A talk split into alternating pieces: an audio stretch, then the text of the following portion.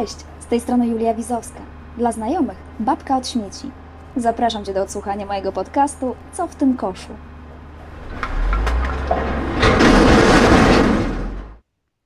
Cześć, dzień dobry. To jest czwarty odcinek podcastu Co w tym koszu? Podcastu, z którego dowiesz się więcej na temat ograniczania, recyklingu i samodzielnego przerabiania odpadów oraz życia przyjaznego dla środowiska. Każdego roku w Polsce wyrzucamy 2,5 miliona ton ubrań. Prawdopodobnie tyle, bo nikt nie jest w stanie określić dokładnej skali. Szybka i tania moda sprawiły, że odzież stała się bardziej dostępna dla konsumentów niż kiedykolwiek w historii ludzkości. Z kolei nadprodukcja odzieży używanej jest problemem nie tylko dla zakładów, które zajmują się przetwarzaniem tekstyliów, ale również dla nas, gdy próbujemy pozbyć się niechcianych już ubrań inaczej niż po prostu wyrzucić do kosza na śmieci. Tak się składa, że kolejka chętnych na zakup się nie ustawia. Któregoś razu ktoś z obserwujących mnie w mediach społecznościowych polecił, bym zapoznała się z ideą ubrania do oddania. Weszłam na ich stronę internetową, gdzie na dzień dobry powitał mnie filmik. Brzmiał on tak. Nawet jeśli nie wyrzucasz ubrań na śmietnik, z pewnością korzystasz z popularnych metod ich utylizacji, wierząc, że w ten sposób Twoja odzież trafi do kogoś, kto naprawdę jej potrzebuje. Niestety w większości przypadków tak się nie stanie. A czy wiesz, że od dziś możesz realnie pomóc, wykorzystując swoją niepotrzebną odzież? Ubrania, buty, akcesoria spakuj do kartonu, wypełniając go po brzegi tekstyliami o minimalnej wadze 10 kg. Wejdź na ubrania do oddania.pl i wskaż kampanię, którą chcesz wesprzeć swoją darowizną, pozyskaną z przekazanej odzieży. Podaj liczbę kartonów, wybierz datę odbioru, podaj adres, który będzie dla Ciebie najwygodniejszy, a właśnie tam pojawi się kurier. Otrzymasz od nas potwierdzenie przekazania darowizny, a kwota pojawi się we wspartej kampanii. Każdy kilogram to złotówka na wybrany przez Ciebie cel. Zabrzmiało mi to fantastycznie. Odezwałam się do nich i zapytałam, czy mogę odwiedzić i przekonać się na własne oczy, jak wyglądają kulisy. Co dalej dzieje się z ubraniami, które przychodzą od ludzi? I jak się odbywa cały proces sortowania. Niedługo później pojechałam. Ten odcinek podcastu jest inny niż wcześniejsze.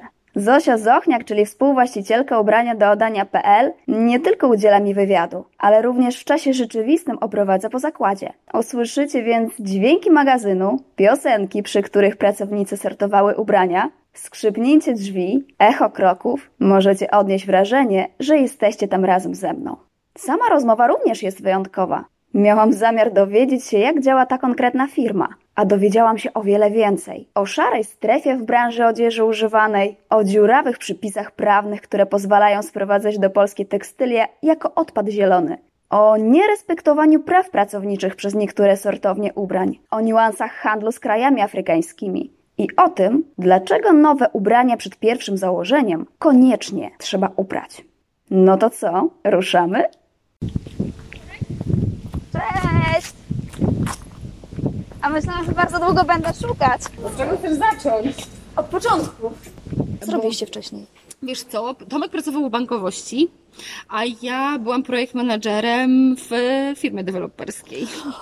I tak po prostu z dnia na dzień, czy jak? No, nie, to był, to był proces. Ja o ubraniach do oddania zaczęłam myśleć w Londynie. Paradoksalnie wtedy, kiedy poleciałam tam na zakupy. Było mi na to stać, nie wstydzę się, znaczy teraz się tego wstydzę, natomiast uważam, że to był też jakby taki proces, z którego gdzieś tam pomalutku wychodziłam. Ja jako dziewczyna z mojego miasta, która przyjechała do Warszawy, miałam straszne kompleksy i pamiętam jak dziś to uczucie, kiedy jechałam tramwajem, widziałam ludzi, którzy pili kawę w Starbucksie i mówiłam sobie, ja też kiedyś będę piła kawę w Starbucksie. Bo było to dla mnie po prostu pff, 16 zł na kawę. Pamiętam jak dziś cenę. No i postanowiłam ciężko na to pracować, nie? Studiując, studiując i pracując jednocześnie i szybko zaczęłam zarabiać dobre pieniądze, ale no jakby nie da się nie zarabiać dobrych pieniędzy, jeżeli nie, siedzisz 7 dni w tygodniu w pracy po 20 godzin. Po prostu to się dzieje samo, no nie, nie robisz nic innego, tylko po prostu zarabiasz pieniądze. I moim marzeniem było kupienie sobie torebki Prady. Kupiłam sobie tę torebkę. Mam ją do dzisiaj. Trzymam ją w szafie. Pokazuje mi całą drogę, w sensie jakby jest takim symbolem całej tej drogi, którą przeszłam. A używasz jej? Nie. Nie, ale nie dlatego, że wstydzę się jej, czy jakkolwiek. Jest piękna. To jest w ogóle ręcznie szyta torebka, jakby ponadczasowa, absolutnie. Tylko widzisz, no ja noszę wansy bez sznurówek. Ktoś by mnie gonił na ulicy, myślał, że komuś buchnęłam. Daj spokój, nie. Natomiast mam ją. I wtedy, kiedy będę potrzebowała ubrać porządną torebkę, na przykład na rozmowę w banku, to ją mam. E, Natomiast jest dla mnie takim symbolem całej takiej drogi, bo ja faktycznie poleciałam tą trochę do Londynu razem z moją przyjaciółką. Ukryliśmy sobie taki weekend w Londynie. Tam pojechaliśmy, pojechałyśmy w odwiedziny do mojego przyjaciela, który tam mieszka zresztą do tej pory. I przez ten weekend do skrzynki na listy wpadały torebki foliowe, chyba z 17 w ciągu całego dnia. Leafleciarze, tak się nazywają ci ludzie w Wielkiej Brytanii, którzy roznoszą te charity, baksy, jak listy. Tam w środku jest taka wielka reklamówka i na torebce foliowej jest napisane tam do tej reklamówki możesz włożyć e, niepotrzebne ciuchy, buty Aha. i pomóc kotkom. Torba charytatywna taka, nie? Dokładnie tak. Brytyjczycy mają tendencję do nadmiernego konsumowania, szczególnie ubrań. Oni zarabiają bardzo wysoko. Kupują w H&Mie za dużo niższe ceny niż na przykład my w Polsce, bo jeżeli zestawimy sobie nasze zarobki versus spodnie jeansowe w H&Mie, to ta cena jest bardzo wywindowana. W Wielkiej Brytanii ta różnica jest ogromna, czyli możesz de facto na każde wyjście z domu kupić sobie nowe rzeczy, bo one w żaden sposób nie obciążają Twojego budżetu. A do tego mamy jeszcze warunki mieszkaniowe Brytyjczyków. Małe, wysokie mieszkania, zero przestrzeni na garderoby i tak dalej, i tak dalej. I na samym początku, o Jezus Maria, to bardzo, bardzo dawno temu, Armia Zbawienia organizowała zbiórki w Wielkiej Brytanii, ale oni organizowali te zbiórki dlatego, że naprawdę potrzebowali rzeczy. Dla żołnierzy, dla ich rodzin i tak dalej, i tak dalej. Od tego to się zaczęło. I ludzie wtedy nauczyli się przekazywać ubrania właśnie w Dortudorze, dla potrzebujących. A później w całej Wielkiej Brytanii rozwinął się w ogóle bardzo rynek odzieży, zbiórek odzieży używanej. Oczywiście nie byłabym sobą, gdybym nie zaczęła się tym zainteresować trochę, nie? Bo oczywiście w pierwszy odruch, ty pakuję niepotrzebne rzeczy, trafiałam do organizacji, która robi z tego użytek. Rewelacja, nie? Dowiedziałam się, że to w ogóle jest, że to w ogóle nie tak, że są charity shopy, że są właśnie zbiórki kontenerowe. Jest mnóstwo takich fundacji, takich zbiórek, że oni się biją na ulicach. Firmy konkurujące ze sobą, które chcą wyrywać te worki. W ogóle wiesz, no w ogóle jakieś dziwne, dziwne historie. Ale ja odniosłam bardzo dobre wrażenie, kiedy to zaczęłam, nie? Ciekawa jestem, jak to działa w Polsce. Zaczęłam się dowiadywać, jak to działa w Polsce. No mówię, ja, dziki zachód. Bardzo się interesowałam rynkiem odzieży używanej w kontekście kontenerów. Bo dla mnie to było genialne, dlatego że myślałam sobie, są fundacje, które zbierają rzeczy dla potrzebujących. A widzisz tu misia? Dokładnie. Ale wiesz, że ludzie tak myślą. A dla, wiesz, dlaczego ludzie tak myślą? Dlatego, że firmy, które prowadzą takie zbiórki, chcą, żeby ludzie tak myśleli. Stąd jest pomóż dzieciom, wrzuć zabawki, wspieramy domy dziecka i tak dalej. I w, tym prostym takim mechanizmie, już mocno w ogóle zakorzenionym w latach 80., tak to się zaczęło. Ja miałam e, kontakt też z firmą, która zajmuje się na bardzo dużą skalę odzieżą używaną i ja bardzo chciałam to zrobić z nimi, bo dla mnie to było naturalne, żeby zrobić to z podmiotem, który się na tym zna i wprowadza te rzeczy do ponownego obiegu. Natomiast jak oni mnie wprowadzili w ogóle, wiesz, w podwaliny tego, jak wygląda współpraca z fundacjami, albo że 90% firm, które prowadzą zbiórki kontenerowe, zakładają własne fundacje, krzaki, albo wymyślają sobie numer KRS, to jest w ogóle na, w Warszawie to jest w ogóle dramat. Trafiają do domów takie kartki o zbiórkach dortudorowych, nie? Że możesz wystawić odzież przed sprawdź sobie kiedykolwiek, którąkolwiek z takich kartek, która do Ciebie trafi, wpisz sobie numer KRS w rejestr numerów KRS. Często się okazuje, że na przykład cyfry jest za mało, albo za dużo, albo numer, na który dzwonisz, on nie odpowiada i tak dalej, i tak A dalej. wiesz, że ja to zrobiłam? Ja O, zrobiłam, też, słuchaj, takie śledztwo. To chyba w 2017 albo 2016 roku. Dopiero się zaczęły pojawiać te informacje właśnie gdzieś tam przyklejane na e, Tak. drzwi do klatek schodowych. I ja się zastanawiałam, o co chodzi w ogóle z tym wszystkim, bo też zaczęłam badać całą tą drogę ubrań, a że wcześniej pracowałam jako reporterka i dziennikarka, no to Mhm. miałam taki, wiesz, swój własny sznyt, żeby się dowiedzieć, co za tym stoi. I zaczęłam szukać. I Mhm. się okazało, że ta firma, która za tym stoi, tak naprawdę Mhm. nie istnieje. A wiesz, co jest najlepsze? Ja potem ogłosiłam to w mediach społecznościowych, Mhm. że szukam właśnie jakichś innych zbiórek, jakichś innych podmiotów, które to robią. I ludzie zaczęli z całej Polski wysyłać mi swoje zdjęcia z właśnie tych zbiórek gdzieś tam u nich na osiedlach Tak. e, ogłaszanych. Chyba kilkadziesiąt dostałam tych zdjęć i z tych kilkudziesięciu to tak naprawdę jedna albo dwie były rzeczywiście potwierdzone i zgłoszone nawet jako zbiórki publiczne, a cała reszta nawet jak się odzywałam, nawet jak istniała ta firma, czyli ta organizacja, to ona nie wiedziała nic o tym, że jej nazwa jest wykorzystywana. Właśnie o tym chciałam też powiedzieć. Ale wiesz, ale ja, ja miałam takie bardzo wyidealizowane wyobrażenia na ten temat. Mówię sobie, okej, no to jeżeli Są firmy, które pozyskują młodzież używaną. Robią to dzięki fundacjom. Być może potrzebują narzędzia, w sensie uważałam, że potrzebują narzędzia, po rozmowie z jedną taką fundacją, że one nie są w stanie weryfikować, na przykład, że niby taka jedna firma rozlicza się z nimi z każdego kilograma tych rzeczy, które się zbiera albo właśnie w tym door to door, czyli te karteczki, albo w zbiórkach kontenerowych. Rozliczają się z każdego kilograma, płacąc im 3 grosze za kilogram pozyskanych rzeczy. Trzy grosze. Tak. Natomiast one nie mają żadnych narzędzi ani możliwości weryfikowania ilości tych kilogramów, które są zbierane dzięki tej fundacji, nie? która na tych kartkach albo na tym tam kontenerze. No i ja mówię, no dobrze, no ale no to mogłaby mi pani powiedzieć, nie? To na przykład nawet nie dokładną kwotę, nie? Tylko tak mniej więcej, nie? No mówię, no ale to jest żadna tajemnica, w zeszłym miesiącu jesteśmy 1700 zł. No, z jednej strony, patrząc przez pryzmat tego, że te są 3 grosze za kilogram i dostały 1700 zł, no to zebrali mnóstwo kilogramów. Z drugiej strony, wiem też jaka jest skala, wiem też jak działają te firmy i powinni do tego, nawet w tym systemie 3 groszy, nie? Dopisać przynajmniej jedno zero. Jak nie dwa. Usłyszałam, no lepsze to niż nic. Wtedy sobie pomyślałam, okej, dobra, żeby wilk był syty i owca cała. I żeby faktycznie branża odpadowa, bo, bo tak to wtedy rozumiałam, wspierała rzetelnie fundację, to ja zbuduję super zespół i wywrę presję na branży, żeby się uczciwie rozliczała z fundacjami. I w idealnym świecie to byłoby zarąbiste i nie spotkałybyśmy się dzisiaj tu, na tej hali, tylko w moim pięknym biurze w puszczy jakiejś na przykład, bo wystarczyłby mi komputer w zasadzie tylko do tego, żeby dba, dbać o tą relację pomiędzy tymi stronami. Natomiast nie przewidzieliśmy dwóch rzeczy że branża nie chce być uczciwa i rozliczać się uczciwie z każdego kilograma, bo nie chce mówić, ile kilogramów zbiera, prawda? Bo zauważ też, jak wyglądają zbiórki. Wszystko się opiera na deklaracji. Ja deklaruję, że zebrałam tyle i tyle kilogramów, nie? W urzędzie skarbowym na przykład. Albo w Wydziale Gospodarki Odpadami. Nikt tego nie waży, nikt tego nie sprawdza. Przychodzę do Twojego domu, domu biorę to. Mogę powiedzieć, że wzięłam 10 kilogramów, a mogę powiedzieć, że Ciebie nie było w domu. I tego nie przewidzieliśmy. One nie chcą robić w ten sposób. Nie chcą współpracować na przykład z, z wiarygodnymi fundacjami, nie? Wspierać realne cele, rozliczać się z każdego kilograma, bo oni nie chcą kupować na faktury. I oni nie chcą przy odzieży używanej, którą można sobie kupić prosto z busa, płacąc za gotówkę 20 groszy za kilogram, oni nie chcą płacić 3 zł za kilogram. I jeszcze płacić od tego podatek, wiesz, nie? No i co wtedy powiedzieliśmy sobie? Za sprawą mojego um, Tomka ukochanego powiedział, robimy sami. I jesteśmy tu.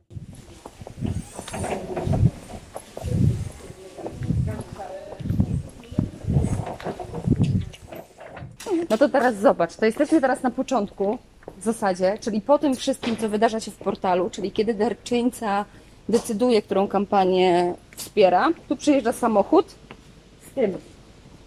I to są rzeczy, które ludzie pakują w kartony, w kartony z recyklingu i je tu przysyłają do nas. Dobra. I teraz jak um, przychodzą te kartony, to one są tutaj ważone. Jest taka specjalna waga, która jest zmeczowana z naszym systemem i portalem. Czyli w momencie, w którym chłopaki odbierają od kuriera taki karton, on trafia na wagę i cała magia zaczyna się tutaj, czyli kiedy jest list przewozowy, kurier DPD przyjeżdża do Ciebie z takim listem przewozowym, więc nie musisz tego drukować, nic nie musisz robić. Jedyne, co musisz zrobić, to w zasadzie spakować te rzeczy w kartony. Koniec. Kiedy ta paczka trafia na wagę, ten kod jest skanowany i kwota z Twojej darowizny pojawia się na koncie fundacji, którą wspierałaś. Jezu, to jest genialne w swojej prostocie. Tak. No, jest. Jak żeście na to wpadli w ogóle. Nieźle, nie? Ja No. to wymyśliłam. Ja rzuciłam pracę pierwsza. Tomek miał jeszcze jakieś zobowiązania. Pracował w sektorze finans- finansowym, więc to nie było takie proste. Natomiast y, ja rzuciłam pracę w czerwcu. Wakacje to był mój research, jeżeli chodzi o w ogóle rynek i możliwości firmy kurierskie i tak dalej, jakby te wszystkie rzeczy. Już wiedzieliśmy, że to robimy. W, we wrześniu powiedzieliśmy sobie, że robimy.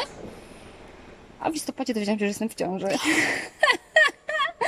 Piękna historia, no. No dokładnie, czyli to było miesiąc po tym, jak Tomek też rzucił pracę już. I to było rok temu, czy dwa lata temu? Dwa lata temu. Dwa lata temu. Dwa lata temu, tak. No i tak sobie powiedzieliśmy, dobra, no to fajnie. Nie? Startuperzy, do biznesmeni. Damy radę, damy radę. Natomiast nie było, to nie była łatwa droga. To była bardzo trudna droga. Udało nam się pozyskać inwestora. Bardzo długo też się męczyliśmy z tym, żeby zbudować odpowiedni zespół. I to, co ty tutaj widzisz, to jest właśnie teamwork. bo my nie robimy nic. My nie mamy czasu na to, żeby zajmować się tym, żeby to pozyskiwać. To robią fundacje, to robią osoby, które gdzieś tam trafiają na nasz mechanizm, myślą sobie, zachęcę innych do zrobienia tego. My po prostu otworzyliśmy ten portal, byliśmy fundacją, chcecie, to się rejestrujcie bo możecie mieć alternatywne, w sensie jakby dodatkowe źródło kasy. I tak w zasadzie to od Was zależy, ile tej kasy będziecie mieli na tych swoich kontach. No i to się dzieje po prostu. O, załapałaś się na dostawę. No, mamy rozładunek. Zaraz zobaczysz, jak to wygląda u nas, no. Tak, przyjechały, przyje, przyjechały wszystkie paczki, które zostały zgłoszone jako pomoc celowa na przestrzeni ostatnich dwóch dni. Będziesz mogła zobaczyć, jak to, jak to wygląda w, jak to wygląda w praktyce.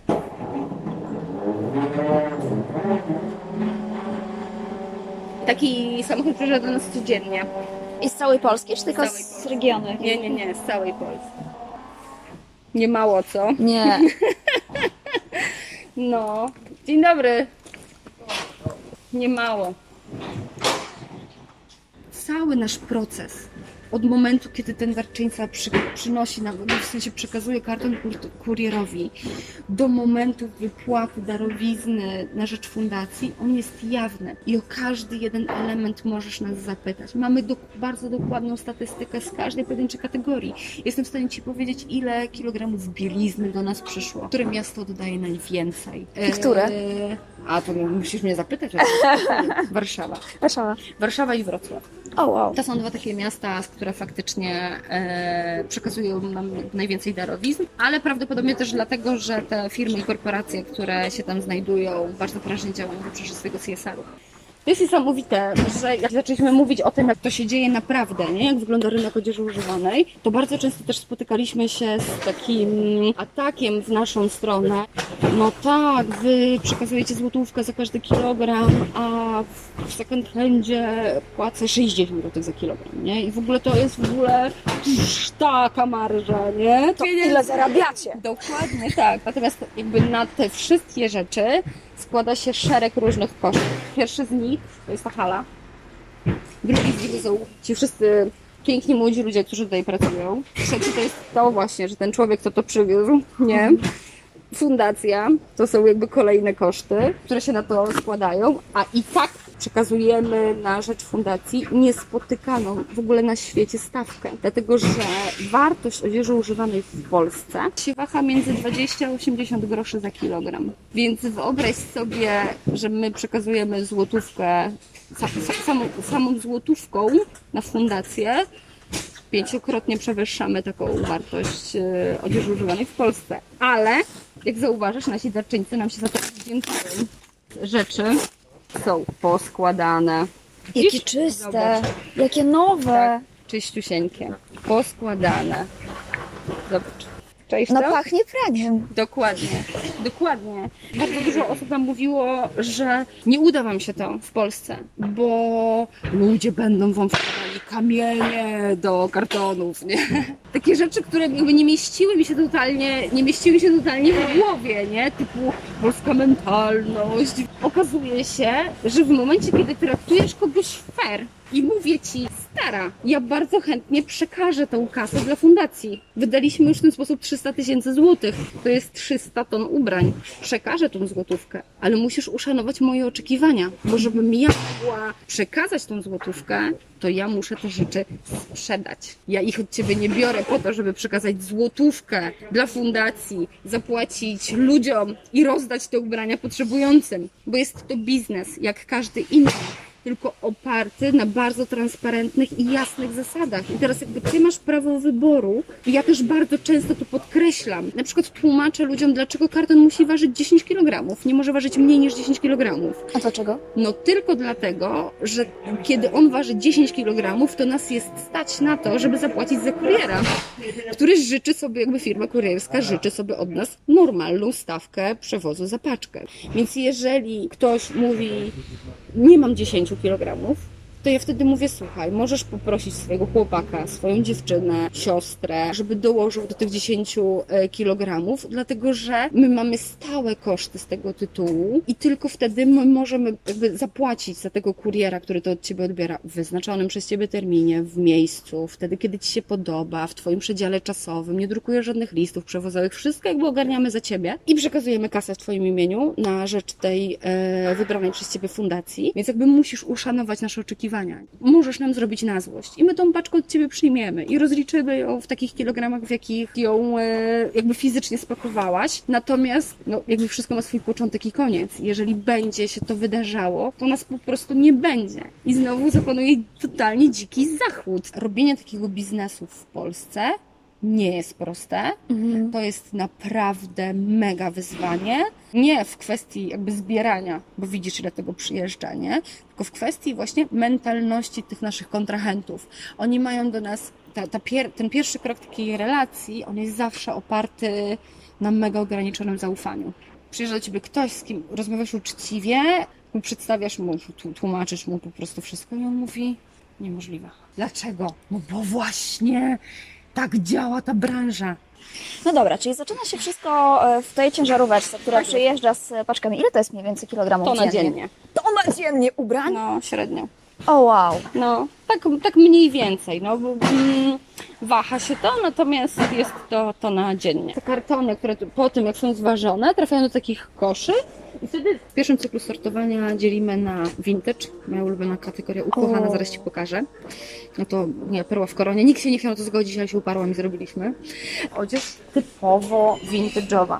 I teraz dla wszystkich innych sortowni, które właśnie szukają tego, wiesz, kolorowych, plastikowych swetrów, jest to odpad. Każdy jak mnie odwiedza, to mówię mu, błagam Cię, wybierz sobie coś, w sensie lepiej, żebyś zrobił, żebyś wziął te rzeczy ode mnie, niż żebyś poszedł do lumpa i kupował rzeczy, które są z Londynu. Bo to są, w sensie, wiesz, to są rzeczy, które oddała tutaj jakaś Dziewczyna z Polski. tak. I prawdopodobnie ona te rzeczy też ma po mamie, po babci, wiesz, jakby z Polski, nie? I teraz widzisz jakby wszystkie inne filmy, te rzeczy, no, przemiał, nie? Ale sensie- dlaczego? Przecież to są wspaniałe rzeczy. One się nie sprzedają dobrze w małych miastach. Jak y, układaliśmy cały proces takiego sortowania, my sobie go nazwaliśmy clear sortingiem. Dzielimy na vintage, dzielimy na odpad, odzież damską, męską, dziecięcą, buty i torebki. I czasem się trafiają drobne akcesoria domowe typu mm, pościele, prześcieradła itd., itd., więc to, jakby to idzie osobno. I to jest osiem podstawowych kategorii. To masz jedną z tych ośmiu, czyli torebki damskie. Zobacz, to jest zupełnie nowa torebka No. niczym się nie różni od takiej, którą możesz kupić w sieciówce. Ani w second handzie, z, prosto z Anglii. O, W ogóle widzę, że są mega piękne ubrania. proszę, spójrz na te buty. Śliczne, różowe, czyste. Raz założone. Raz. Na tyle pokazuje ta podeszwa, nie? No.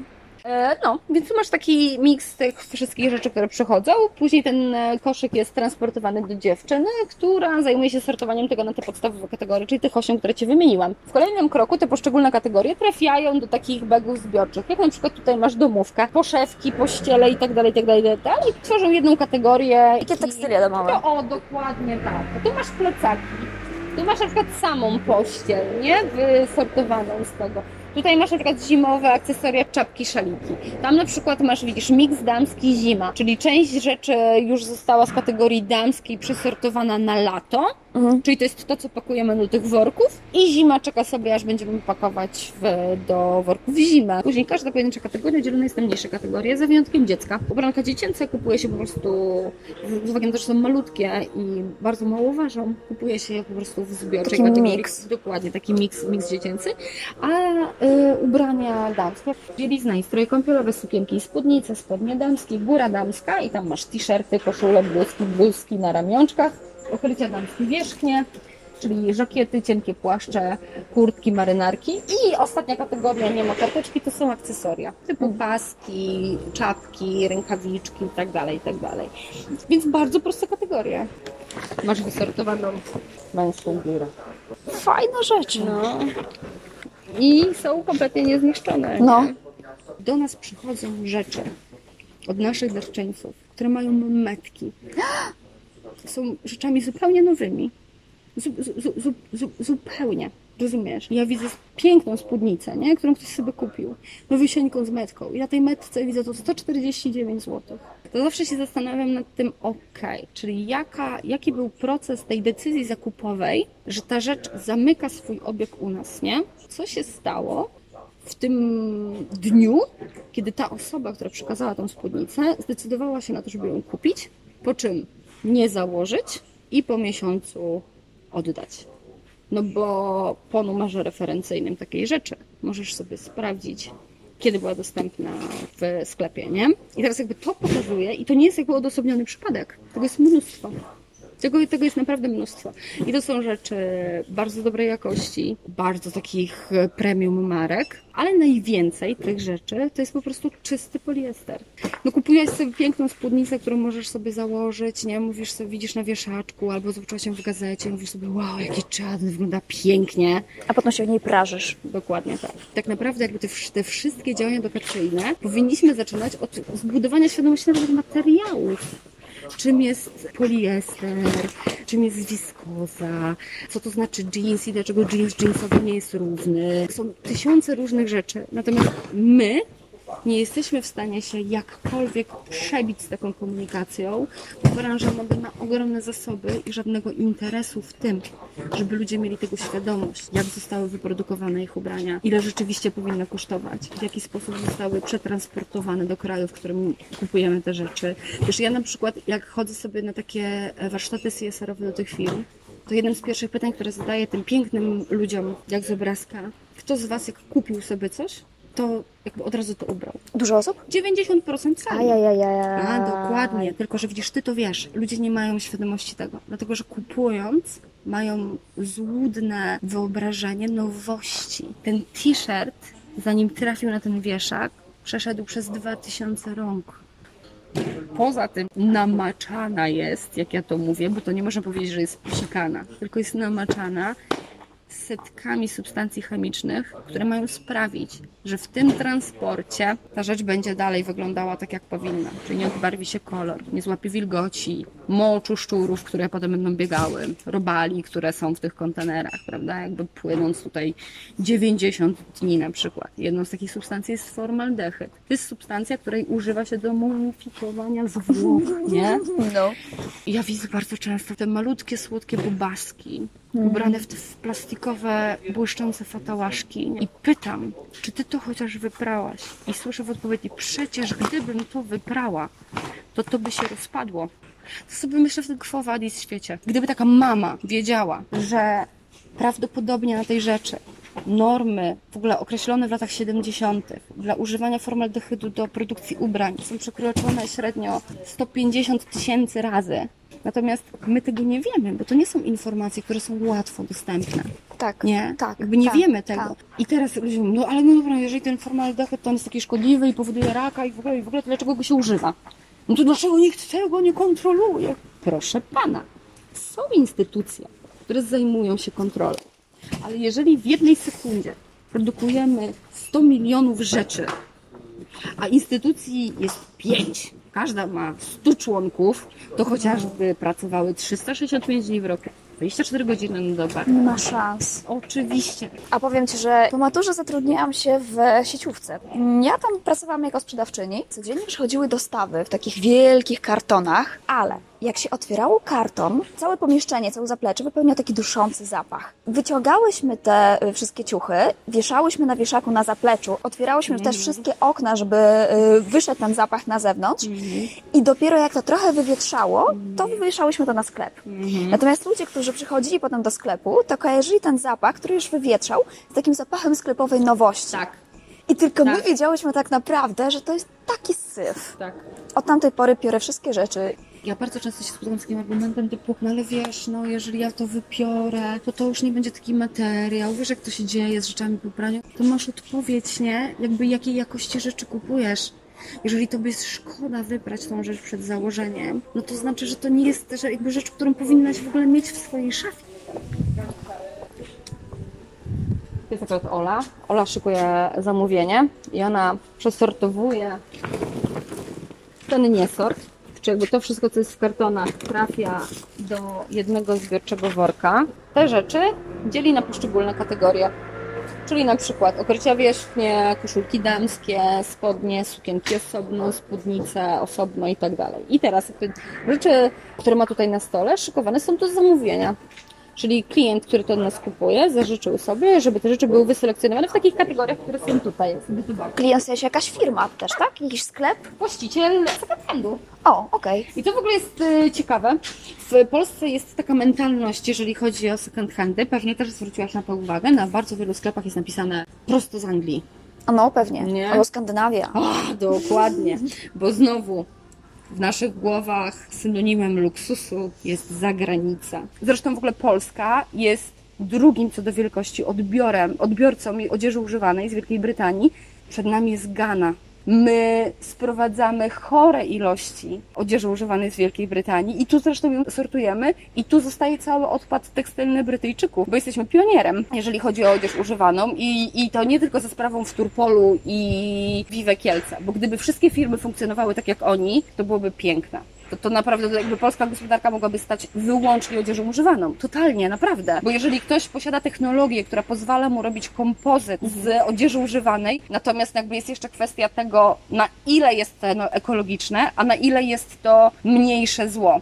No bo mniejsze sortownie odzieży używanej działają w bardzo prostym, takim chałupniczym modelu, bo każdy z nas może sobie zamówić kontener odzieży używanej z Wielkiej Brytanii, ponieważ odzież używana traktowana jest jak odpad zielony. Czyli ty musisz na granicy mieć tylko takie oświadczenie, które wystawia ci sprzedawca, że on ci nie sprzedał odpadu tekstylnego, tylko odzież używaną, którą w całości możesz zagospodarować dalej. Nie. Więc możesz sobie sprowadzać maty bambusowe do wygłuszania pomieszczeń i to jest odpad zielony i kontener odzieży używanej. Nieważne, że on jest spakowany w worki, że są tam odpady, są tam resztki jedzenia, tysiące różnych rzeczy. Gdybyśmy teraz sobie powiedziały tak, ok Julka, ty jesteś w porządku, ja jestem w porządku, otwieramy Lumpex. Wchodzimy teraz do internetu, Znajdujemy sobie taki niesort z Wielkiej Brytanii, możemy sobie wybrać region, w którym ta odzież była zbierana. Mało tego, możesz sobie wybrać na przykład, jaką odzież kupisz ze względu na fundację, na którą była zbierana ta odzież. To jako ciekawostka Ci powiem, na Walii prym wiedzie Fundacja Helikopterek, która zajmuje się dziećmi niepełnosprawnymi. Walijczycy są bardzo związani z tą fundacją, więc jak w ich skrzynkach na listy pojawiają się reklamówki, że w ten sposób wspierasz e, Fundację Helikopterek, to bardzo często jest tak, że oni między tymi rzeczami, które oddają, wkładają listy, pieniądze, pamiątki rodzinne w postaci biżuterii, typu droga tam pani, mamo, chorego chłopca, sprzedaj to, bo to jest bardzo dużo warte i pomóż swojemu synowi i tak dalej, i tak dalej. Natomiast to nigdy nie trafia. Jakby nigdy nie trafiało, nie trafia i nigdy nie będzie trafiać do tych osób, które, do których się adresuje taki list. Albo ludzie kupują sprzęt AGD nowy, który wkładają do takich worków. Głupio jest im oddać używane buty, więc oddają rzeczy zupełnie nowe. No to są takie, wiesz, to, to są takie mm, historie, które pokazują, jak bardzo upośledzona jest ta branża, nie? I jakby na jakich nierównych nogach ona stoi. Ściągasz te rzeczy tutaj, jako taka mała sortownia, prowadzisz dwa, trzy sklepy. No i co robisz? No jakby przyjeżdża ci ten tir tego niesortu, takich worków upchanych po sufit. Masz w garażu, czy w jakiejś małej takiej hali cztery stoły, kilka lamp i dzielisz to na dwie kategorie. Da się sprzedać w sklepie, nie da się sprzedać w sklepie. To, co się da sprzedać w sklepie, wystawiasz w swoim sklepie jakby na wysokiej marży, a to, co się nie da sprzedać w sklepie, utylizujesz na tyle, na ile cię to stać. I dwie najbardziej popularne metody. Pierwsza to jest, jak w to w branży się mówi, ekologiczny brykiet, czyli robi się z tego odpadu tekstylnego takie małe kostki, takie sortownie, one nie są w centrum miast, bo jest potrzebna do tego tania siła robocza. Ludzi się zatrudnia rotacyjnie, płaci im się gotówką, często nie mają dostępu do toalety, mają jedną przerwę, pracują po 12 godzin, muszą wyrobić normę przesortowania tony dziennie. No po prostu totalnie dziki To zachód. jest przerażające. Mamy u siebie w zespole Kasię, która u nas pracuje na sortowni i ona pracowała wcześniej 7 lat na sortowni odzieży i nie miała podpisanej ani jednej umowy. Ona miesiąc w miesiąc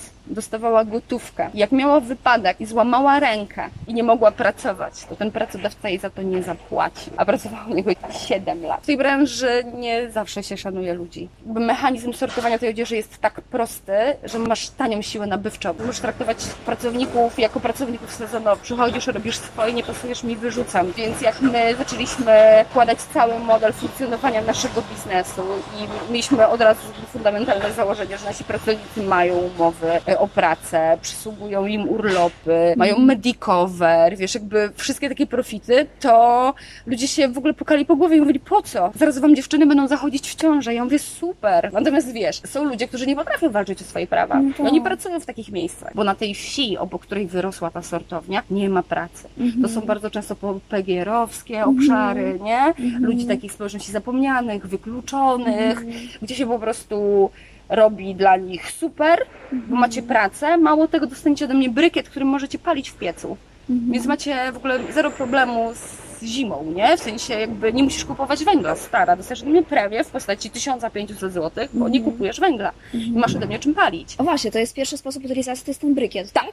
I co z tym Dokładnie. brykietem? W sensie, że co, że to, to Oni są takie... takie małe kostki. To jest tak jak ja bym wzięła to, tak, o, Aha, jakiś szalik no związujesz jakkolwiek. I No. zbiła to, Sprasujesz to. tak, tak zwanej belownicy. Oj, oj. Do tego twojego kopciucha ci się idealnie zmieści, szybko się pali, bardzo szybko się nagrzewa, więc się, e, ma, no masz super warunki, nie? To jest jakiś poliester To nie ma ze sztucznym włosem. No, do, dokładnie, bo to jest wszystko to, czego nie, nie, nie jesteś w stanie sprzedać w swoim sklepie. A weź mi jeszcze opowiedz, e, bo powiedziałeś, że dwa sposoby są na utylizację. A no i drugi, no e, drugi mój ulubiony. Myślę, Zawiozły do lasu? No dokładnie. Jak, No jak trafiłaś kilka razy, a na pewno każdy trafi chociaż raz na jakiś taki artykuł typu pod Katowicami wyrosła sterta ubrań. Ja nawet na stertę ubrań trafiłam. A no właśnie, no właśnie. I to jest, to się, to nie jest nic innego jak zgromadzony odpad, którego nie dało się jakkolwiek sprzedać. Bo są firmy, które też kupują na przykład e, odzież posklepową, odpad bawełniany, produkują z niego czyściwo i tak dalej. No jest oczywiście e, owiany złą sławą handel z Afryką, na przykład z Pakistanem i tak dalej, i tak dalej. To wcale nie jest takie proste i nie jest złe. I powiem Ci za chwilkę, dlaczego nie jest złe. Natomiast no jak Ci nie pójdzie, to taniej w sensie taniej w rozumieniu takim, takiego prostego biznesu. Taniej jest spakować to w nocy ze szwagrem na samochód i wywieźć do lasu, niż na przykład szukać sposobu utylizacji, nie? bo to jest jakby odpad tekstylny. Co ciekawe w Polsce, wiesz, jak sprowadzasz sobie odpad zielony, ale jak przesortujesz te rzeczy, to już masz odpad. Piękne. Przywożę sobie bez żadnych zgód, bez żadnych pozwoleń, ile chcę, w jaki sposób chcę, nie muszę tego ewidencjonować, ale jak przesortuję, i już nie mogę tego sprzedać w sklepie, no to mam odpad. I za utylizację tego odpadu po prostu muszę zapłacić, nie? Bo wtedy już sobie, wtedy już wiemy, że to szkodzi. Branża odzieży używanej jest warta ogromne pieniądze. Prawie 40 miliardów dolarów rocznie. Z czego 6 miliardów to jest rynek odzieży używanej. Więc teraz wyobraź sobie taką bardzo prosta matematyka, nie? Jeżeli co drugi transport, co trzeci nawet niech będzie, bo pewnie w praktyce jest to co dziesiąty, jest ewidencjonowany i ktoś płaci za ten transport podatki, wszystkie opłaty, no to to przynosi kupę pieniędzy do budżetu państwa. No już jakby z ekonomicznego punktu, takiego ekonomiczno-gospodarczego punktu widzenia, nie mamy interesu jako kraj w tym, żeby to utrudniać. Mm, Mamy tutaj klientów, którzy do nas przyjeżdżają i mówimy e, im, że oczywiście jakby możecie kupić, podoba im się tamto, siamto i owamto, e, poproszę dane do faktury. Nie, no to za odzież używaną, pani. Wiesz, a jakby nie mam. I okazuje się, że ta branża z sprzedaży detalicznej nie jest też zbyt y, transparentna, nie? Że tutaj tak naprawdę bardzo duża część tych rzeczy porusza się po prostu w, w takiej szarej strefie, nie? która jest w żaden sposób nieewidencjonowana. Nie wiem, w jakich second kupujesz odzież, natomiast warto jest zwrócić uwagę na to, czy się dostaje ten paragon. A jeżeli się go dostaje, to co jest na nim napisane? Może takim przekazem pójść, żeby jak idziesz na zakupy do Lumpeksu, to żeby też brać jakiś Ale oczywiście, paragon, że tak. nie? Jest to twoje prawo jako konsumenta. Masz mało tego, w momencie, w którym ktoś ci tego dowodu zakupu nie wyda, ty masz prawo powiadomić chociażby urząd skarbowy o tym, nie? Widzę, że są dwie grupy e, ludzi, którzy kupują w second handach, takie bardzo mocno utarte. Ci, którzy robią to ze względów ekonomicznych, nie stać mnie, albo nie chcę wydawać tyle pieniędzy na ubrania, bo dzieci niszczą, bo się brudzą, jakkolwiek i tak dalej. I druga grupa, trochę takich trendsetterów, ludzi wolnych myśli, typu trochę mam porządnych rzeczy, okulary Gucci'ego za 5 tysięcy, kupię sobie flanelową koszulę w second handzie, będę hipsterem. To, co jest pośrodku, czyli takie my, to jest taka grupa, która jest dość mocno niezagospodarowana. Trochę mi się wydaje, że to jeszcze jest z takiej mentalności lat 80., jeżeli ktoś miał rodziców, którzy kupowali w second handach, to oni to zawsze robili z przymusu, czy jakby z tych, tych, tych kwestii ekonomicznych. Mamy trochę złe skojarzenia. Trochę siara. Trochę siara, dokładnie. Zresztą ja to pamiętam też ze swojego dzieciństwa. W moim rodzinnym mieście na nieczynnym już dworcu PKP, w takich starych hangarach był e, zrobiony second hand. E, hałdy odzieży, pamiętam to. Jak moja mama sz, szła tam ze mną, z siostrami, to ja się modliłam będąc w podstawówce to, żeby mnie nikt nie widział. A tak naprawdę wykreowanie trendu na kupowanie rzeczy z drugiego obiegu, to w żaden sposób nie wpłynie na naszą planetę kupowanie w second handach, ono nie jest ekologiczne. Bo zauważ, jeżeli ty idziesz do second handu po bluzkę czy po spodnie, to nie wiesz skąd ta rzecz tutaj trafiła, nie? I na tą jedną rzecz, ile rzeczy wylądowało w śmieciach albo w lesie. Nie wiesz tego, nie? Jaką drogę jakby przebyło to ubranie. A ja bym strasznie chciała, żeby ludzie mieli nawyk, tak jak się nauczyliśmy pytać o jajka z wolnego wybiegu, żebyśmy się nauczyli pytać o to, czy w tym sklepie sprzedawane są ubrania z Polski, bo one się niczym absolutnie niczym nie różnią od tych, które się sprowadza z Wielkiej Brytanii. Żebyśmy mogli zamknąć obieg. Kupuję ciuchy w Polsce, oddaję je w Polsce, w Polsce wprowadzane są do ponownego obiegu, kupuje je kolejna osoba. Wtedy to jest fair. Ale mówienie o tym, że lokacje są ekologiczne, nie są, bo nie są transparentne. Całej tej branży brakuje transparentności. Pisanie właśnie na sklepach nie odzież skandynawska, prosto z Anglii, tylko Anglia i tak dalej, i tak dalej, i tak dalej. To nas powinno nas reflektować. Jeżeli w Polsce produkuje się 2,5 miliona ton odpadów tekstylnych rocznie, okej, a tutaj przywozicie z Anglii, to co jest z tym naszym? I powiem Ci co, jest fantastyczna firma, która nazywa się Sturpol, która prowadzi zbiórki kontenerowe na terenie całej Polski. 70 tysięcy kontenerów.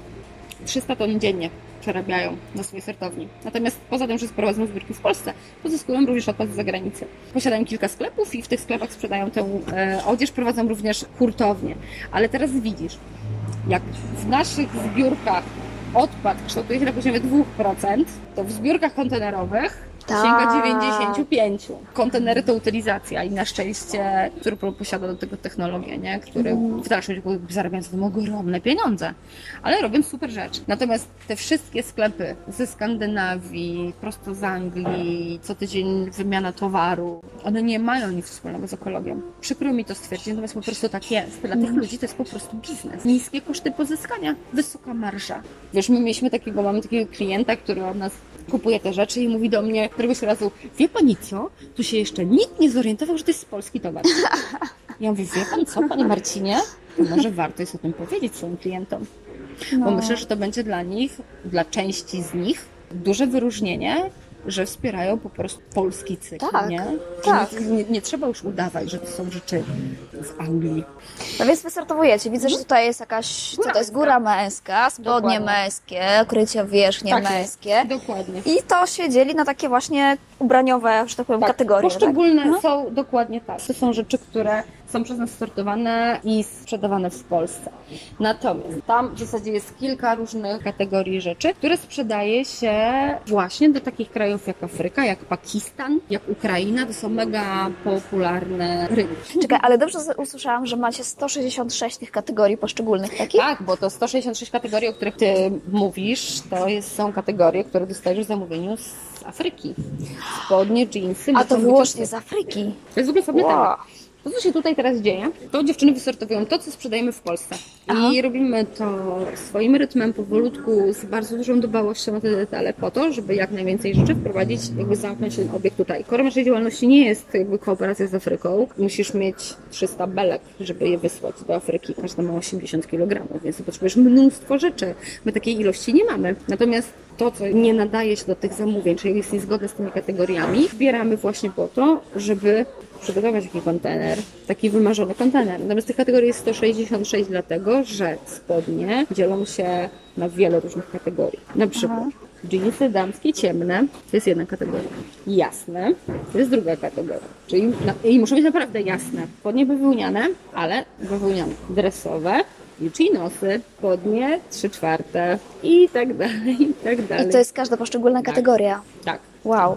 Tak, dlatego że tak jak my kupujemy w sieciówkach, tak na przykład Kenijczycy, bo tego z Ke- z Kenią mamy kontakt, kupują na swoich bazarach second hand. Specyfika zakupów przez takich kontrahentów z zagranicy, no to to nie jest takie proste jak handel w Polsce. Aha, to Bo znaczy? nam się trochę wydaje, jak my mówimy sobie o wysyłamy odpad tekstylny do Afryki. Mm-mm. Odpad tekstylny zostaje w Polsce. Normy i oczekiwania, jeżeli chodzi o zamówienia rzeczy, które można wysłać w takim kontenerze do Afryki, to jest znacznie wyższa jakość niż taka, którą oferuje się na rynku w Polsce. Żartujesz? No, dokładnie. Poza tym, powiem Ci, dlaczego Afryka kupuje odzież używaną. I teraz tak, my sobie to wyobrażamy w taki sposób. Biedni ludzie w Afryce. Wysyłamy im śmieci. Zasypujemy Afrykę odpadem tekstylnym i się usprawiedliwiamy w ten sposób, że nie możemy to robić, nie? No bo trochę tak wyobrażamy właśnie. No właśnie, a tak nie jest. Wiesz dlaczego kraje afrykańskie kupują odzież używaną z Europy? Dlatego, że w portach, w wielkich kontenerach czeka chiński badziewny plastik, którym Chiny chciałyby zasypać Afrykę. Tanich poliestrowych rzeczy na raz. Wiesz dlaczego Afrykańczycy nie chcą ich nosić? Dlatego, że w tych rzeczach nie ma bawełny. Tam nie ma czystego jeansu, tam nie ma bielizny bawełnianej, tam nie ma budziaczków dla małych dzieci, które są przyjemne dla małego ciałka na 40-stopniowy upał. Oni potrzebują rzeczy dobrej jakości. Wiesz, nie plastikowego badziewiak, nie? Oni potrzebują rzeczy, które oddychają, są przewiewne, szybko schną i zapewniają im komfort. Potrzeba posiadania biustonoszy w dużych rozmiarach. To, to, to w ogóle oni są w stanie kupić od Ciebie cały kontener takich biustonoszy, jeżeli będą w dużych rozmiarach. Dlaczego? No dlatego, że te, które są sprowadzane z Chin, są w rozmiarach chińskich. W ogóle robimy to z pajchem, czyli jakby nie robimy tego sami, tylko w bardzo taki zrównoważony sposób. Co to jest spaj? E, To jest taka organizacja Polska Izba Handlu, która jakby racjonalizuje te wszystkie kwestie, czy jakby monitoruje moment y, przygotowania zamówienia. Jest taki opiekun, czyli pośrednik pomiędzy tobą kontrahentem. U nas była nasza kontrahentka Nancy zimą, powiedziała, że nigdy więcej tego nie zrobi. Później był u nas super advisor, czyli jej pracownik, który tłumaczył nam każdą pojedynczą kategorię, w jaki sposób należy te rzeczy przygotować, w jaki sposób należy je belować, w jaki sposób należy je opisywać. Jakby uczył nasz zespół tego, żeby przygotowywać dla nich te rzeczy, które oni później po prostu sprzedają. Tam to jest biznes. Więc to nie jest takie proste jak tu. Już widzisz, góra męska, worek, 15 kilo bach, nie? Nie, nie, nie, nie, nie, nie, nie. Belka musi ważyć 80 kg. Rzeczy muszą być, na przykładzie spodni, musi być czysty jeans. Nie mogą być rozmiarem mniejsze niż S. Są ba- jest bardzo dużo pojedynczych restrykcji, które musisz spełnić, żeby móc nawiązać taką relację biznesową z, z takim kontrahentem. Pamiętam, jak rozmawialiśmy o e, kategorii sukienek, właśnie z tym Karisą, który tutaj u nas był, i on powiedział, że na e, 50 belek sukienek, które my zamawiamy od Was, tylko jedna belka może być belką sukienek poliestrowych. Mało tego, one muszą być Długie. za kolano. Taką sukienkę kupuje się po to, żeby ją mieć do odpowiedniej czynności, jaką jest na przykład odprowadzanie dzieci do szkoły. I teraz, kiedy ta pani sobie idzie drogą, musi mieć sukienkę za kolano z e, przyczyn kulturowych, a z drugiej strony musi być poliestrową, bo jak ona wróci, tam będzie cała zakurzona, więc ona ją tylko zamoczy, powiesi i ona za chwilę wyschnie. Wiesz? Więc w ogóle jest to są takie niuanse to jest w ogóle. jakaś petarda, bo my myśleliśmy sobie, wysyłamy śmieci. Te śmieci zostają u nas.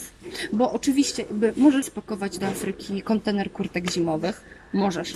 Natomiast zrobisz to raz. W Polsce, jak w krajach afrykańskich, ta branża działa w bardzo prężny sposób. Więc to nie jest tak, że ja dzisiaj wysyłam kontener kurtek zimowych do Karisy, a za trzy tygodnie drugi kontener zimowych kurtek do kogoś innego. Mm-mm. Ten drugi już wie, że od mojej firmy się nie kupuje. O, tu widzisz? Takie się robi Co to belki. jest? To są to belki, właśnie takie belki się robi do wysyłki. Wygląda trochę jak salceson wypchane tkaninami. Tak, tak. Specjalne worki, w które się to, które się to pakuje. Natomiast musisz mieć ich 300, nie? O wow. Ile waży taki jeden? 80 kg. Dwa razy tyle co ja? Tak. Ona mówi do nas, no ale wiecie, no jeżeli wy nie jesteście w stanie wysłać nawet jednej belki miesięcznie, przy 10, które ja zamawiam, no nie jesteście dla mnie kontrahentem, nie? To było dla nas takie uderzające. Natomiast powiedzieliśmy, że jakby my mamy świadomość tego, że jakby nie dostarczymy ci tych ilości, które, których ty potrzebujesz. To jest jeden kontener, to jest 300 ton miesięcznie, nie? które ona ściąga po prostu w 10 kontenerach. Więc powiedzieliśmy że my byśmy bardzo chcieli przygotować dla ciebie taki transport w 100% zgodny z Twoimi oczekiwaniami, z Twoim zamówieniem. Nie chcielibyśmy zrównoważyć handel pomiędzy Polską a Afryką i żebyśmy mogli o tym mówić i żebyśmy mogli określić takie dobre praktyki, to musimy tego spróbować. Mówi? Wy się zgadzacie na moje kategorie, wy mnie nie narzucicie, że spodnie są w miksie razem, że jakby, no popyt i podaż. Zapotrzebowanie na odzież używaną w Afryce jest ogromne. Jest znacznie większe niż ilości rzeczy, które się tam wysyła. Dlatego też kupcy mają ograniczone pole manewru, na przykład jeżeli chodzi o dostosowywanie kategorii. I teraz, jeżeli jest taka sortownia, której korem działalności jest na przykład sprzedaż odzieży we własnych sklepach, to wszystkie rzeczy, które zostają, dzielą sobie na wygodne dla nich kategorie i Mhm. oferują to na rynek na przykład. I mówią do takiej Słuchaj, no dobra, możemy ci dać taki kontener, natomiast nie oddzielimy ci spodni jeansowych od spodni bawełnianych, ponieważ nie mamy na to czasu na przykład, nie? Albo mamy za mało spodni bawełnianych jakkolwiek. Więc ona, chcąc kupić ten kontener, kupuje te spodnie, czyli jeansy i bawełniane razem sama sobie to w, w, w strukturach własnej firmy robi. Są kategorie, gdzie na przykład wykazywaliśmy się dużą nadgorliwością. Rozmawialiśmy o tych takich akcesoriach domowych, pościeli i o zasłonach i tak dalej. I ona mówi, że to wszystko razem, nie? I ja mówię, że my możemy ci to rozdzielić. W sensie zrobić osobno zasłony i zrobić osobno pościel. I ona do mnie mówi, nie możesz mi tego rozdzielić, bo gdybyś mi to rozdzieliła, to zrobiłabyś dla mnie źle. Zauważ, jedna zasłona waży znacznie mniej niż pościel. I jak ja to wystawię w swoim punkcie, to muszę mieć różnorodny towar o różnej wadze. Jeden kupi coś, co jest lżejsze na tej dostawie, drugi kupi coś, co jest cięższe na tej dostawie. Ja muszę mieć różnorodny asortyment. Niektórych ludzi też jest irracjonalne. Boże, bujać się teraz 166 kategorii, chce Wam się robienie belek, opisywanie, ewidencja tego wszystkiego. My musimy kręcić filmy, wysyłać zdjęcia. Cała procedura to działa po prostu jak współpraca z korporacją. I teraz wszyscy mówią, Jezu, to nie prościej macie tam zabrać to, co jest najlepsze, sprzedać to na wysokiej marży, a resztę zutylizować. Gdybyśmy chcieli tak robić, to nie bylibyśmy ubraniami do oddania tak naprawdę. Jeżeli my do Kenii wysyłamy rzeczy w 100% zgodne z ich zamówieniem, to pokazujemy im, że się tak da, że można mieć oczekiwania, może się traktować partnersko. Mi się wydaje, że jeżeli zaczną się pojawiać na tym rynku uczciwi, rzetelni kontrahenci, którzy będą traktowali jakby to, ten biznes partnersko, to wpłyniemy też na to, żeby na przykład oczekiwania, tak jak w naszym przypadku Kenijczyków, były bardziej restrykcyjne również w, W przypadku innych, in- tak? Dokładnie Mhm. tak, nie? Widzę, że też buty dostajecie od darczyńców. Tak, buty, torebki. Są jak nowe. Jak sobie zajrzysz, jest bardzo dużo, naprawdę, o. Widzisz, takie maniuńki, Wiecie, buciki. widzisz? W jakimś dziu, dziu, dziu, dziuczku malutkim, co to się uczył chodzić. Mnóstwo. Buty Zimowe. zimowe. I teraz zobacz, nie? One nie noszą w zasadzie żadnych śladów zużycia, nie? Tak. Tak. Podeszwa nawet jest Tak, taka bardzo zobacz. czyściutka. Raz były założone. No, Wiesz, że do nas trafiły? no. Dlatego, że ten materiał w ogóle nie chroni przed wodą. I to jest właśnie przykład butów kupowanych na raz. Bo mi się podobają, bo są modniarskie. A wy je w też- jakiś sposób dezynfekujecie, czy już wysyłacie i potem Nie. to już dalej nie, nie, broszka nie, nie ma e, czegoś klienta? takiego. Nie ma czegoś takiego? Nie, to jest w ogóle. Ja bardzo często też się spotykam, to mój ulubiony mit w branży odzieży używanej. Bardzo często jak się wchodzi do sklepu z odzieżą używaną, to jest taki specyficzny zapach i e, właściciele tych sklepów zawsze mówią, że to jest płyn do dezynfekcji. A to jest zapach perfum, potu i wilgoci. I te ubrania nie są w ogóle w żaden sposób... Coś ty. No jakże. Bym ci pokazała, jak wygląda maszyna, która umożliwia dezynfekcję. A może widziałaś? Mikro takie maszyny są bardzo często w laboratoriach chemicznych, do których się wrzuca fartuch, yy, na które chodzą jak pralka, tylko jest większe. Takie urządzenie próżniowe. To kosztuje kupę pieniędzy. Po pierwsze, nikt tego nie robi. Po drugie, musisz to robić wtedy, kiedy zajmiesz się odpadem tekstylnym. Czyli jeżeli ty pozyskujesz odpad tekstylny, z którego robisz odzież używaną, no to tak. Ale przypominam ci, że wszyscy sprowadzają odpad zielony. Jakby to, co my tutaj wiesz, staramy się robić, to przedłużać życie tych ubrań, nie? które do nas przychodzą. Sprawą naszych dziewczyn, my je sortujemy na bardzo proste kategorie, oceniamy je przez pryzmat jakby stopnia ich e, zużycia. Na szczęście jakby takie przykłady jak te spodnie, z nimi już nic nie zrobisz, nie? Stopień ich zużycia już jest tak mocny, że no jakby one się nie nadają do ponownego założenia, nie? Natomiast na przykład ze spodni w takim składzie, czyli jakby bawełna, robi się między innymi kompozyt, granulat paliwa alternatywnego. Ktoś, kto posiada technologię do tego, przyjeżdża nas takie firmy, które to po prostu odbierają. Natomiast ktoś, kto posiada technologię do robienia takich rzeczy, może zajmować się produkcją czegoś takiego. Natomiast to też nie jest ekologiczne. To jest taki pół na pół. Jest dobre, bo utylizuje coś, co pewnie by latami gniło na wysypiskach śmieci uwalniało te wszystkie substancje do gleby, do atmosfery, a z drugiej strony no, mamy granulat, który w procesie spalania uwalnia chorej ilości dwutlenku węgla. Mhm. No i blablabla. Ja, ja też nie mówię, że kupowanie nowych rzeczy jest złe. Ono nie jest złe. I to nie chodzi o to, żebyśmy przestali kupować nowe rzeczy. O, o, ratujmy się, nie kupujmy nowych rzeczy. By kupujmy, jeżeli potrzebujemy, ale róbmy to w mega taki świadomy sposób. O, kupiłam sobie takie spodnie, bo one kosztowały tam 70 zł. Ale to jest jednorazówka. Tak, jesteś jakby lżejsza o 7 dych, nie? A dołóż do tych 7 dych kup sobie jedne, ale jeansy. I mówisz, że 2% y, macie takiego odpadu, które się nie nadaje, tak? Do Takiego sprzedaży gdzieś. typowego, w sensie takiego typowego, takiego prawdziwego odpadu. I co to który- na przykład są? Co, co to jest? No to są na przykład spodnie, z których ktoś sobie obciął nogawkę, nie? Albo... Tak, I wysłał do Was. tak. Albo na przykład pojedyncze buty. Eee, No rzeczy... A może ten drugi gdzieś się zagubił? Nie.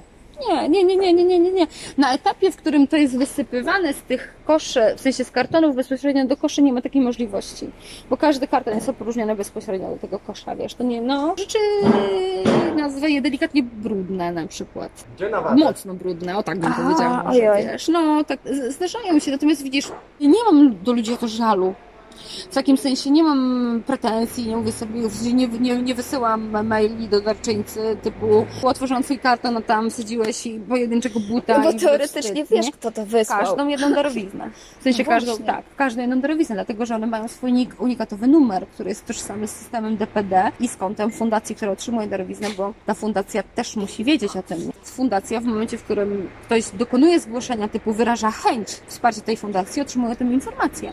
Każdy każdego na możliwość monitorowania i sprawdzania tej, tej takiej uczciwości. Jest mi przykro, kiedy ludzie tak robią. Czuję się oszukana. Powiedziałam ci uczciwie, jak to wygląda, czemu tak zrobiłeś. Wiesz dobrze, co ja muszę z tym zrobić. Niestety jest nas na to, żeby z takich rzeczy przekazać taką darowiznę finansową, ale jesteśmy uczciwi, bierzemy to na klatę i postaramy się temu sprostać, więc to robimy, nie? Mieliśmy raz sytuację faktycznie, kiedy odmówiliśmy przekazania darowizny finansowej jednemu z naszych e, darczyńców, ale nie dlatego, że nie chcieliśmy jej rozliczyć, tylko uznaliśmy, że ten człowiek wysłał do nas rzeczy, które nie powinien nas trafić, czyli prawdopodobnie pomylił kartony, bo dostaliśmy karton z bardzo drogim sprzętem. Dokładnie. Więc napisałam takiego maila, że szanowny panie, tam tatarata, nie, natomiast to nie przekażemy tej darowizny, bo według mnie dokonał pan pomyłki i nie ten karton trafił do nas, który powinien trafić do nas. Pan był dozgodnie wdzięczny, bo się pomylił i, i był też skonsternowany, bo to sprzedał coś komuś przez Allegro i po prostu żona spakowała jeden karton, on drugi i syn, który to wydawał, prawdopodobnie zrobił odwrotnie i z, oczywiście zwróciliśmy mu ten e, sprzęt, jesteśmy teraz kumplami, coś takimi wirtualnymi, bo się nigdy nie widzieliśmy. Natomiast zdarza nam się wysyłać maile ostrzegawcze do naszych darczyńców i wiesz, jakby też staram się to rozumieć, bo jest kilka takich kampanii, w których zbierane są środki takie celowe na rzecz e, na przykład chorego dzidziusia. I ludzie się bardzo mocno jednoczą w tym celu i pakują wszystko jak leci, nie? W sensie mm, mm, starając się zebrać jak najwięcej w jak najkrótszym czasie. Kiedy chłopaki zgłaszają, że na przykład przyszło tam coś, co powinniśmy to od razu wrzucić w kontener, to ja wtedy odzywam się do takich e, osób i proszę o to, żeby zwrócić na to uwagę, powtarzając im, że musicie to zrozumieć, żebyśmy mogli Was wesprzeć finansowo, by pomóc Wam zrealizować ten cel. My musimy pozyskać od Was rzeczy, które możemy w Waszym imieniu sprzedać. W ogóle mieliśmy też taką jedną panią, która nam powiedziała, proszę, to nie przekazujcie nam tej darowizny z tego, po prostu ją,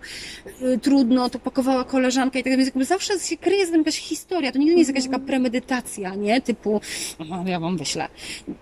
Nie, to jest zazwyczaj jakieś niedopatrzenie albo, albo właśnie takie działanie pod, e, pod presją czasu. Poza tym, no darczyńców mamy super.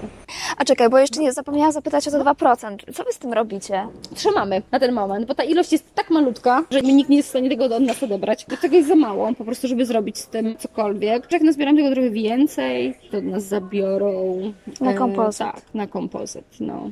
Też staramy się trochę równoważyć ten proces. Jeżeli na przykład trafia do nas takie właśnie akcesoria domowe, typu prześcieradła, kołdry, ręczniki i one są no, mocno zniszczone, w sensie zużyte, stworzyliśmy sobie tutaj taką sieć dystrybucji po prostu czyściwa pośród, po, pośród tych firm, które tutaj z nami wynajmują te przestrzenie magazynowe. Jest tutaj na przykład taki pan Tadeusz, który produkuje folię i on na przykład bierze od nas, wiesz, bawełnę, nie? Bo potrzebuje na przykład dużych płacht materiałów do zabezpieczenia jakichś tam rolek, które są na, nawlekane i tak dalej, i tak dalej. Więc znowu zabieramy to z tego odpadu. Nam się marzy, żeby mieć zastosowanie dla 100% tych rzeczy. Zresztą z częścią odpadu też tak robimy, bo jeżeli na przykład są to sprane kurtki, zniszczone t-shirty, to moja chrześnica, która w ogóle lubuje się w upcyclingu i robi to w ogóle zarąbiste rzeczy. Nam się marzy w ogóle, wiesz, otworzyć taką super sieć sklepów. Takich, wiesz, takich, takich typowych, takich prawdziwych sklepów, które wyglądają jak sklepy, ale są w 100% sklepami z odzieżą używaną. Taki uporządkowany, wiesz, ludzie mogą sobie przychodzić, wybierać, kupować w sposób zrównoważony i wspierający właśnie w second handzie zamiast w sieciówce. Natomiast daleka pieśń przyszłości. To było spotkanie z Zosią Zochniak, współwłaścicielką firmy ubrania do oddania.pl. Mam, słuchajcie, zdjęcia z wizyty w tym zakładzie. I wy możecie te zdjęcia zobaczyć. Wystarczy, że wejdziecie na stronę na nowośmieci.pl, czyli na moją stronę. Tam w zakładce podcasty odszukacie czwartego odcinka, no i w treści artykułu obejrzycie zdjęcia. Oczywiście zachęcam Was również do obserwowania moich profili na Instagramie i Facebooku, gdzie działam pod nazwą Na Nowo Śmieci właśnie i dzielę się informacjami o ograniczaniu, poprawnej segregacji i recyklingu odpadów, a także opowiadam o stylu życia zero waste. A jeśli ten odcinek wydał Wam się interesujący i przydatny, to absolutnie nie wahajcie się go udostępnić znajomym. A tymczasem trzymajcie się. Pa pa!